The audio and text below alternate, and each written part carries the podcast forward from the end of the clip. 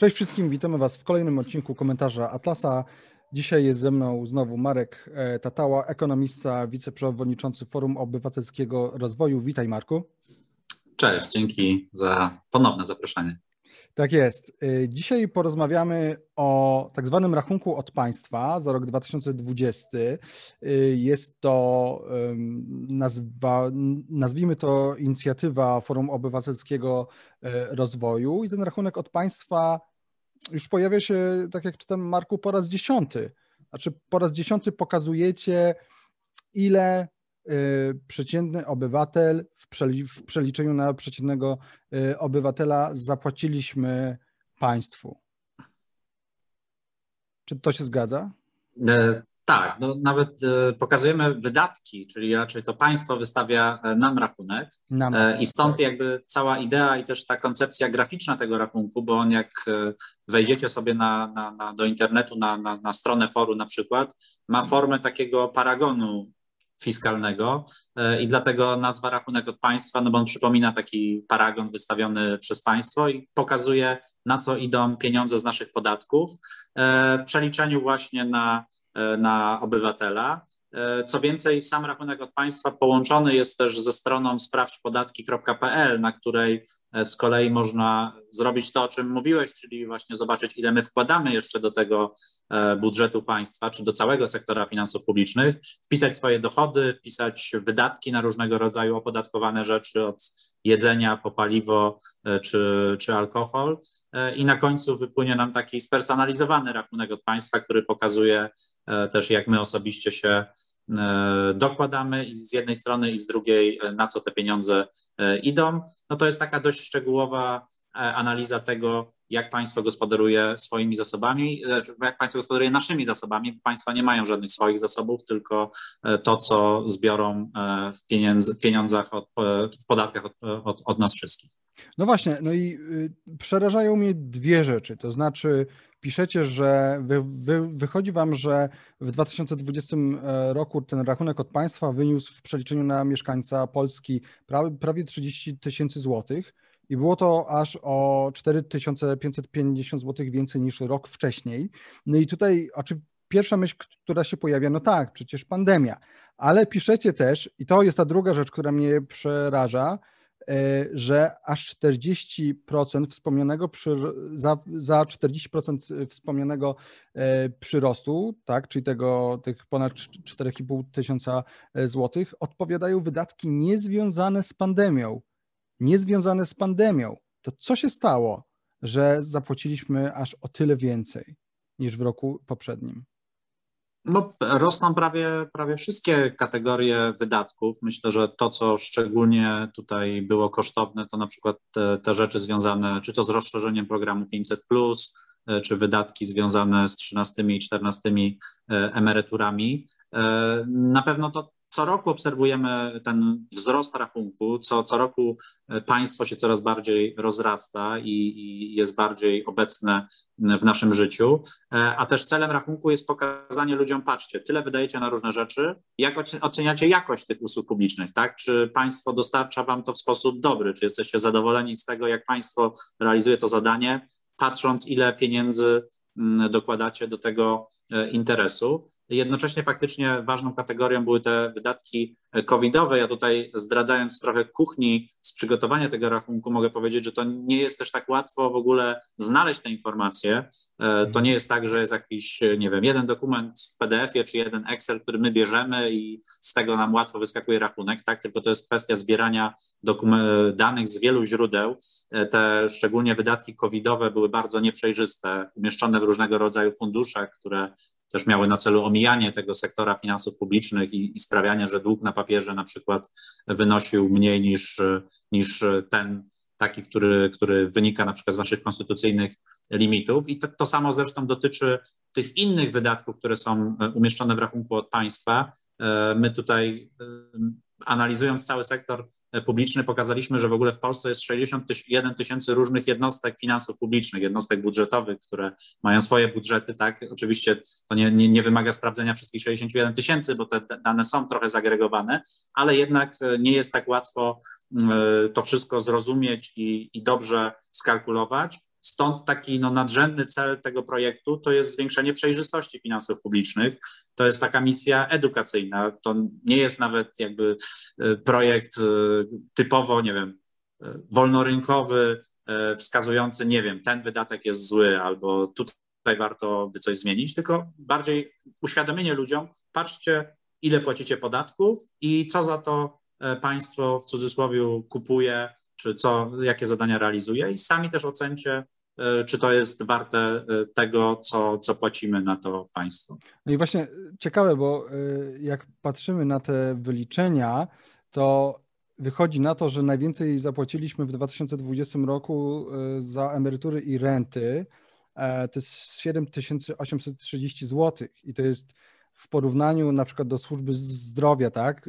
Za służbę zdrowia zapłaciliśmy 33 tysiące złotych, 23 024 zł, za edukację i naukę e, nie, niecałe 3 tysiące złotych. To jest ogromna, ogromna różnica. E, no i faktycznie mówisz, że to nie jest e, jakiś taki projekt wolnorynkowy, ale też piszecie, że proponujecie ograniczenie wydatków emerytalnych, między innymi przez podniesienie wieku e, emerytalnego, co wiemy, że PiS raczej tego nie będzie chciał e, zrobić, zlikwidowanie przywilejów wcześniejszych emerytur i tak dalej. No i też oczywiście te kolejne mm, kolejne takie mm, jakieś dodatki jak 13 i 14 emerytury. No więc zgoda, że podstawowa funkcja to zakładam, że jest edukacyjna, no ale jest tam jakieś wskazanie też u Was na, na, na stronie w tym, w tym projekcie. No to w takim razie mam takie pytanie, jaki jest odzew na rachunek od państwa, jak dużo, do jak dużej liczby osób to trafia, też być może do jak wielu dziennikarzy czy polityków, też osób, które po prostu mogą to jakoś przekazywać dalej. Rachunek od państwa jest jednym z najbardziej medialnych projektów forum e, i co roku przebijamy się z nim do, do bardzo wielu mediów e, ogólnopolskich, e, lokalnych, więc jest to super popularny projekt i dzięki temu myślę, że więcej osób ma świadomość, ile i w jaki sposób państwo korzysta z pieniędzy podatników.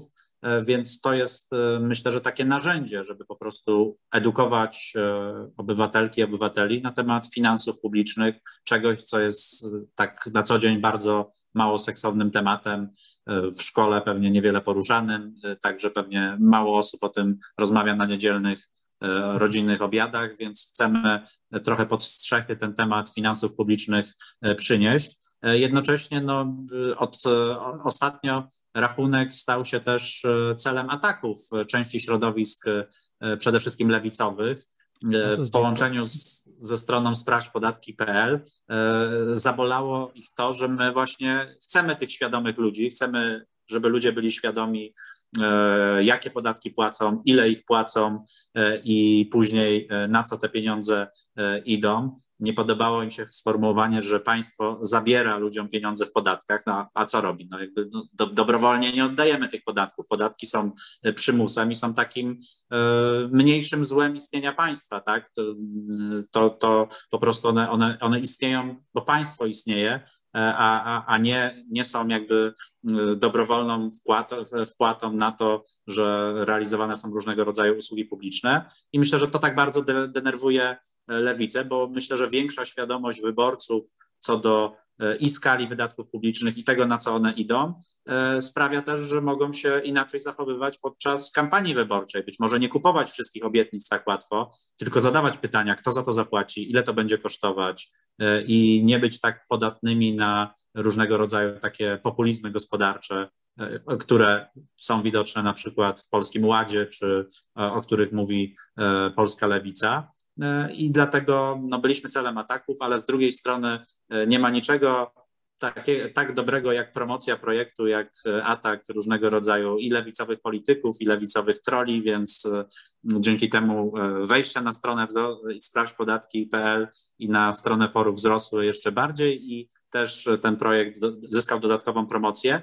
Ja jeszcze dodam jedną rzecz dotyczącą tych kategorii, bo wspomniałeś o tych emerytach, e, służbie zdrowia, edukacji czy nauce, na co najwięcej wydajemy e, w rachunku i co pokazuje rachunek od państwa, ale e, często w Polsce mówi się, że coś tam się obieca, prowadzi albo jakąś obniżkę podatków, a jak jest pytanie, jak za to zapłacicie politycy, to jest mowa, zmniejszymy administrację, zmniejszymy biurokrację. I oczywiście ta biurokracja jest w Polsce często zbyt duża, e, mało efektywna, często mało produktywna, ale jednocześnie wydatki na administrację to e, no, można powiedzieć nawet tylko 1334 zł w porównaniu do wielu innych większych kategorii w rachunku od państwa. I to pokazuje jedno, że nie da się różnego rodzaju pro programów, czy to obniżających podatki, czy nowych programów socjalnych, sfinansować obniżaniem biurokracji. No bo ile z tego e, można oszczędzić, z tego 1300 na mieszkańca? No 10%, 15% to daje w przeliczeniu na obywatela jakieś 100 zł oszczędności. To nie są duże kwoty, które pozwoliły na przykład sfinansować niższą, niższą kwotę, wyższą kwotę wolną od podatku. I stąd też mamy takie zadanie właśnie budowania świadomości, żeby wyborcy nie, da, nie dawali się łatwo ogłupiać e, czy manipulować podczas e, kampanii wyborczej. No właśnie, to, to, to też ten, ten rachunek od państwa jest takim fajnym narzędziem, żeby móc sobie sprawdzić właśnie w jaki sposób można by coś obniżyć i czy faktycznie obniżka wydatków na dany sektor by w jakiś sposób sprawiła, no, że moglibyśmy E, sobie pozwolić na jakieś inne wydatki, tak jak, tak jak podałeś ten e, przykład z tą e, administracją, tak, że to w ogóle jest nierealne, żeby na, żeby na przykład zwiększyć wydatki na służbę zdrowia poprzez ograniczanie administracji. Natomiast chciałem wrócić do tej lewicy, bo, y, bo oczywiście lewica buduje, no to jest typowa, to jest immanentna cecha lewicy, że, że ona buduje taką narrację, E, że oczywiście mamy w Polsce dziki e, kapitalizm, ale też część, e, powiedziałbym, osób takich nielewicowych, część prawicy mówi o tym, że Polska, no, że w Polsce mamy ten neoliberalizm, tak, że, że, że, że Polska jest ultraliberalna. Ja słyszę takie głosy też od dziennikarzy. I to, co jest bardzo ciekawe tutaj w, w tym rachunku od państwa, to też to, że piszecie tam wprost, że cytuję, wydatki mieszczące się w ramach modelu państwa nocnego stróża, czyli na wojsko, policję, sądy i administrację, czyli to byłby właśnie taki projekt państwa faktycznie liberalnego, wyniosły w przeliczeniu na przeciętnego mieszkańca Polski jedynie 3382 y, zł. Y, a zatem z, z prawie 3000, z prawie 30 tysięcy E, jak to, odej, jak to e, odejmiemy, no to mamy e, ponad 26 tysięcy złotych na wszystko inne, więc to pokazuje, jak bardzo jesteśmy daleko od tego modelu liberalnego i to też sądzę, że jest pewne kłamstwo, które jest powtarzane, które jest powtarzane, ale ono wydaje mi się, że nie jest typowe dla Polski, czyli to mówienie, że my mamy do czynienia z jakimś takim kapitalizmem e, leseferystycznym w Polsce, na zachodzie, w Stanach, podczas gdy de facto te państwa to są państwa po prostu gospodarki mieszanej, państwa interwencjonistyczne, gdzie po prostu państwo e, no, jest mocno rozbuchane, jest duże i no, ma taką tendencję, że się tylko e, rozrasta. Czy w takim razie też takim celem nie wprost tego rachunku od państwa jest też pokazanie właśnie tego, jak daleko od liberalizmu jesteśmy? Na pewno tak. Pokazujemy te różnego rodzaju zadania państwa i każdy może też sobie sam odpowiedzieć, czy na pewno państwo musi to zadanie realizować, albo czy musi je e, w całości realizować, czy być może nie ma tam przestrzeni, żeby część zadań przejął e, sektor prywatny i robił to bardziej efektywnie za być może także mniejsze E, pieniądze. E, jednocześnie no, bardzo staramy się walczyć z tym mitem tej rzekomo e, anarchokapitalistycznej Polski, tego, tej dżungli kapitalistycznej, którą miałaby rzekomo Polska być. Myślę, że tutaj o wiele lepszym wskaźnikiem, który ja często wskazuję, e, są e, rankingi czy indeksy wolności gospodarczej. Otóż we wszystkich rankingach e, tych głównych dotyczących wolności gospodarczej, mówię to o badaniach przykład Heritage Foundation czy Fraser Institute, ale także różnego rodzaju rankingach dotyczących warunków dla prowadzenia działalności, takich jak doing business, wszystkie kraje skandynawskie i nordyckie są wyżej niż Polska. E, czyli jeżeli e, taki ranking, na przykład Fraser Instytut Wolności Gospodarczej jest miarą, że na początku to jest skrajny liberalizm, a, a na końcu socjalizm, to te kraje są bardziej liberalne, a Polska bardziej socjalistyczna według tego wymiaru. Oczywiście są to kraje w kontekście krajów skandynawskich i nordyckich, które mają większe to państwo socjalne, większe wydatki, de facto większy ten rachunek od państwa, ale jednocześnie łączą go z bardzo wysokim poziomem wolności gospodarczej, ochrony prywatnej własności, praworządności, otwartości w kwestiach na przykład handlu międzynarodowego, lepszą polityką fiskalną, mniejszą inflacją. I mm, i z tej perspektywy e, są krajami często bardziej wolnorynkowymi niż Polska, e, a jednocześnie wydaje mi się, że przez różnego rodzaju względy, na przykład kulturowe, my nawet nie jesteśmy w stanie mieć takiego państwa w cudzysłowie dobrobytu socjalnego jak, nie wiem, Szwedzi czy, czy, czy, czy Duńczycy, dlatego że u nas generowałoby to dużo więcej różnego rodzaju patologii, których tamto nie kreuje przez różnego rodzaju inne jakby względy na przykład związane z kwestiami kulturowymi czy nawet klimatycznymi historii rozwoju tych państw. Tak? E, o wiele trudniej zbudować taki system w kraju, w którym jest dużo niższy poziom zaufania, e, takiego etosu pracy, E, który po prostu jakby jest z innej grupy krajów kulturowych e, jak Polska, e, ale to jest myślę ważny wskaźnik. Ja myślę, że te działania lewicy dążą do tego, żeby nas, liberałów, przedstawiać jako właśnie jakichś radykałów, a to oni są radykałami, a moim zdaniem taka klasycznie liberalna wizja państwa to jest właśnie taka wizja centrowa, taka wizja zdrowego rozsądku. I pomiędzy nią są właśnie te dwa E, dwie przeciwności, czyli radykalna lewica i radykalna prawica, która, którą z kolei bardzo blisko łączy e, takie kolektywne podejście do gospodarki, etatyzm, chęć tego, żeby państwo było bardzo silnie obecne w różnych e, obszarach życia. I ja oczywiście Wiem, że nierealne jest promowanie wizji państwa, które w tym rachunku od państwa miałoby właśnie te 3-4 tysiące złotych, ale spróbujmy to obniżyć o 10%. Tak? To myślę, że już jest taki realny, E, cel, który warto sobie postawić. E, I obniżmy to właśnie poprzez wskazywanie po pierwsze rzeczy, które państwo robi źle, e, na przykład wypłata powszechnego 500, czy te obniżanie wieku emerytalnego, ale też wskazywanie obszarów, gdzie możemy mieć mniej państwa, a więcej mechanizmów rynkowych, prywatnych podmiotów, które te rzeczy będą po prostu robić lepiej i często też taniej. I do tego też myślę, taką przestrzeń do takiej dyskusji kreuje również rachunek od państwa.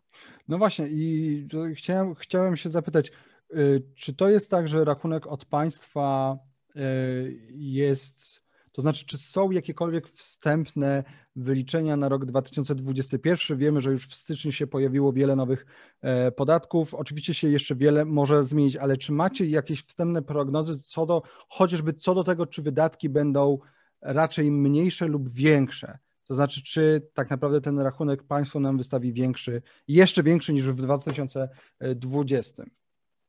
No, myślę, że te zapowiedzi, które słyszymy, także wynikające z e, polskiego ładu, wskazują, że ten rachunek będzie rósł. Pytanie, czy ten wzrost będzie większy niż wydatki covidowe, które na pewno w tym roku będą mniejsze niż w roku poprzednim, e, ale jeżeli tak by się zdarzyło, no to, to nawet ta finalna kwota może być wyższa i przebić to 30 tysięcy na, e, na obywatelkę czy obywatela, które, które mamy teraz.